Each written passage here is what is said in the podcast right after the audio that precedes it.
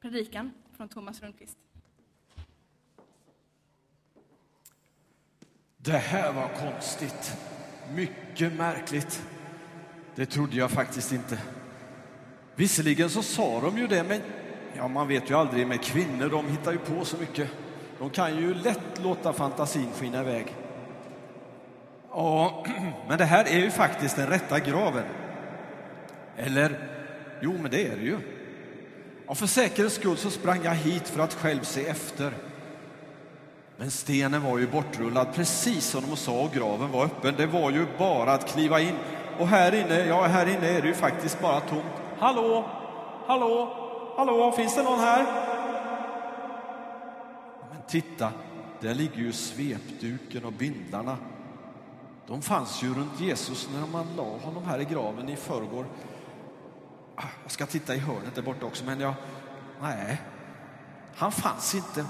Han finns inte där heller. Det är ju tomt här. Vad, vad är det som har hänt egentligen? Vad är det som har hänt?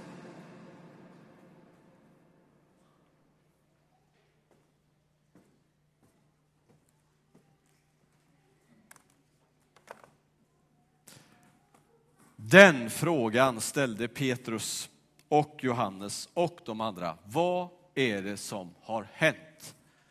Vad var det som hade hänt när de kom till graven och fann att den var tom?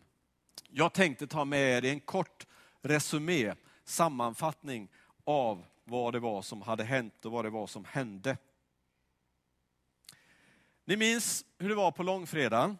Jesus hade blivit dömd till döden av Pontius Pilatus. Han hade blivit hängd på ett kors, uppspikad där. Ett spik genom varje hand och en genom båda fötterna. Och sen hade några hemliga lärjungar till Jesus som hette Josef och Nikodemus tagit Jesu kropp, tagit en stor linneduk och virat runt den och så hade man burit kroppen och lagt den i den där tom, eh, tomma graven som egentligen Josef skulle haft.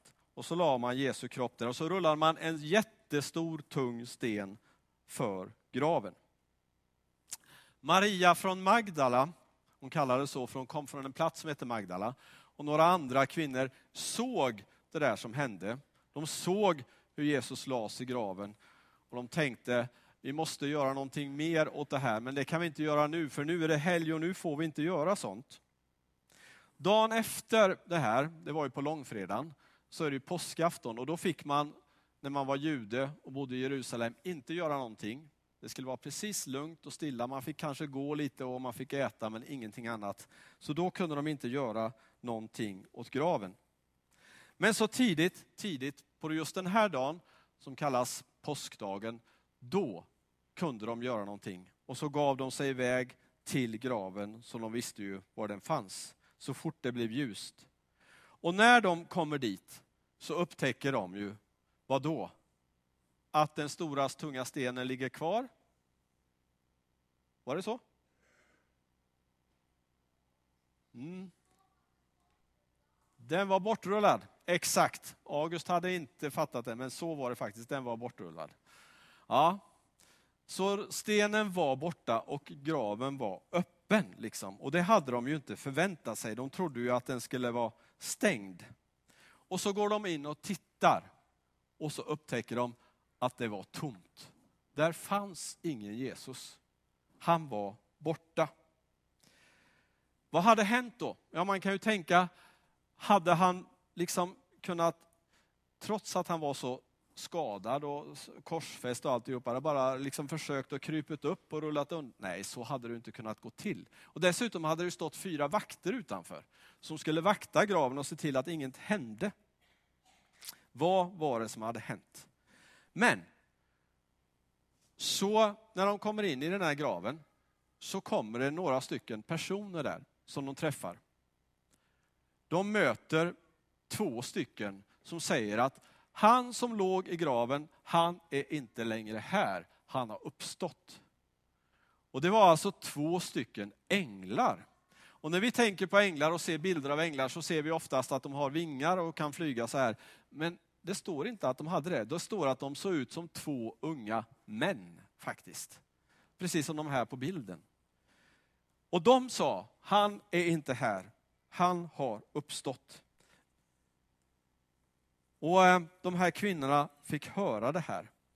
Och exakt så här står det i Bibeln. Varför söker ni den levande bland de döda? Han är inte här, han har uppstått.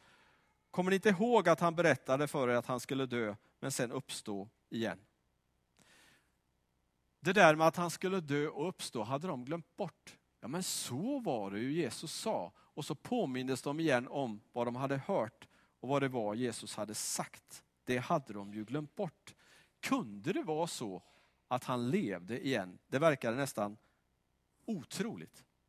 Men så fort de hade sett den tomma graven och mött de här änglarna så skyndade de sig till den plats, det hus, det rum där de andra fanns, lärjungarna och några till. Och så berättar de, vi har varit vid graven, den är tom, Jesus finns inte där, vi har mött några änglar som säger att han lever.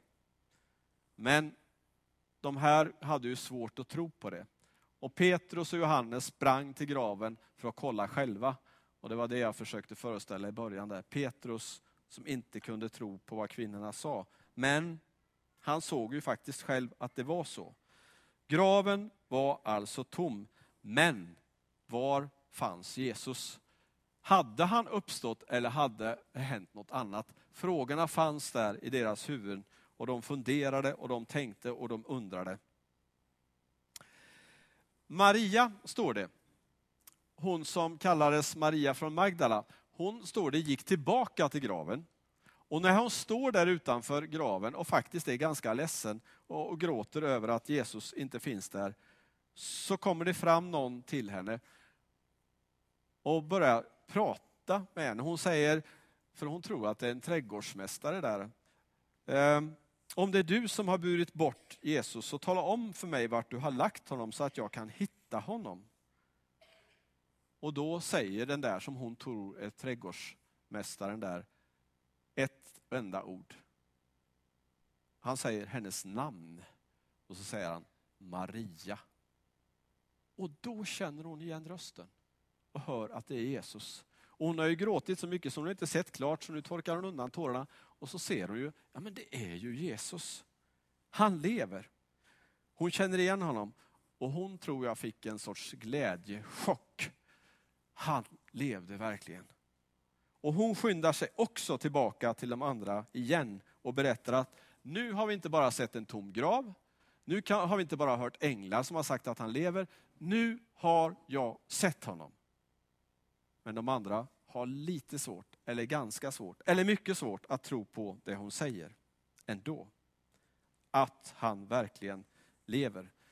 Jag tror att Maria tar i och säger, men hör ni inte vad jag säger? Jag har ju sett honom. Ja, ja. Ja, de trodde inte riktigt ändå. Men på kvällen samma dag, alltså den här dagen, påskdagen, så är de fortfarande tillsammans i det där huset i det där rummet där de hade varit under hela påsken. Dörrarna är stängda, låsta, väggarna är hela. Och ändå plötsligt, pang, så står Jesus hos dem. Han står där och han säger frid vare med er. De blev nog ganska chockade, eller jättechockade, när han plötsligt, Jesus, står där hos dem. Det var alltså sant det Maria hade sagt. Han levde. Lärjungarna såg honom, hörde honom och de blev jätteglada. Men det fanns en som inte var med utav lärjungarna där. Vet någon vad han hette? Vad hette han? Nej, ja, alltså han var inte heller med. Nej, det är rätt. Vad sa du? Matteus? Nej? Ja, precis. Han hette samma som mig. Han var inte med. Och när han fick höra de andra lärjungarnas berättelser om att Jesus hade varit där så sa han, nej, nej, nej, nej, det tror jag inte. Ni har hittat på, ni har sett en syn, det var, det var ni, något som ni inbillar er allihopa. Nej, sa de, det är klart att vi inte inbillar oss. Nej, nej, sa han, jag måste själv få känna på såren, de här som Jesus hade fått efter spikarna, och i sidan för att jag ska kunna tro. Så sa Thomas. Dagen efter var de samlade igen i det där rummet. Och så är Thomas med och så kommer Jesus. Precis på samma fantastiska sätt som förra gången. Dörrarna är stängda, väggarna är hela. Pang, så står han där. Och Thomas får se honom. Och då säger Jesus, räck fram handen nu då och känn efter. Här har jag hålen efter spikarna och här är det efter lansen i sidan.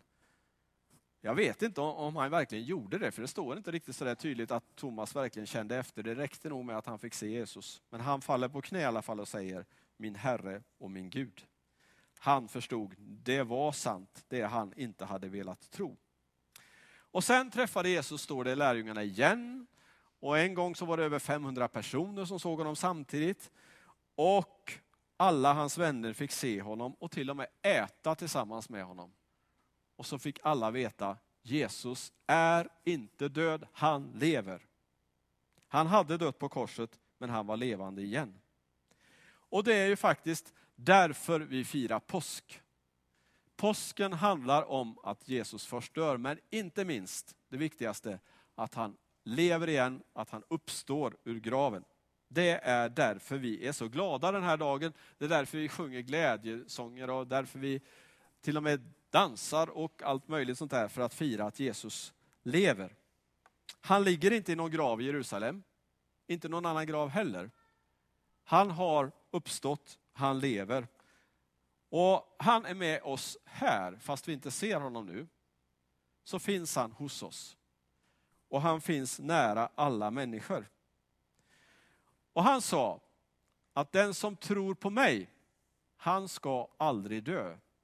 Så när vi någon gång dör så fortsätter livet tillsammans med Jesus i himlen. Inte är det så konstigt då att man kan vara en glad, att man kan vara glad på en påskdag.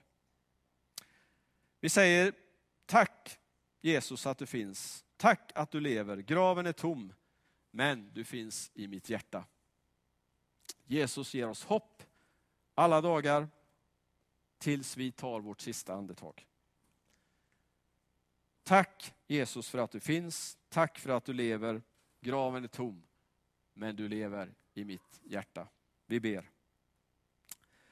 Tack Jesus för det som hände på påsken. Tack för att vi får berätta det igen. Tack för att vi får sjunga om det igen. Därför att det är så stort och det är så viktigt och det är så fantastiskt så vi nästan aldrig kan förstå det riktigt. Men tack för att det är sant. Tack för att du lever och tack för att du älskar oss. Amen.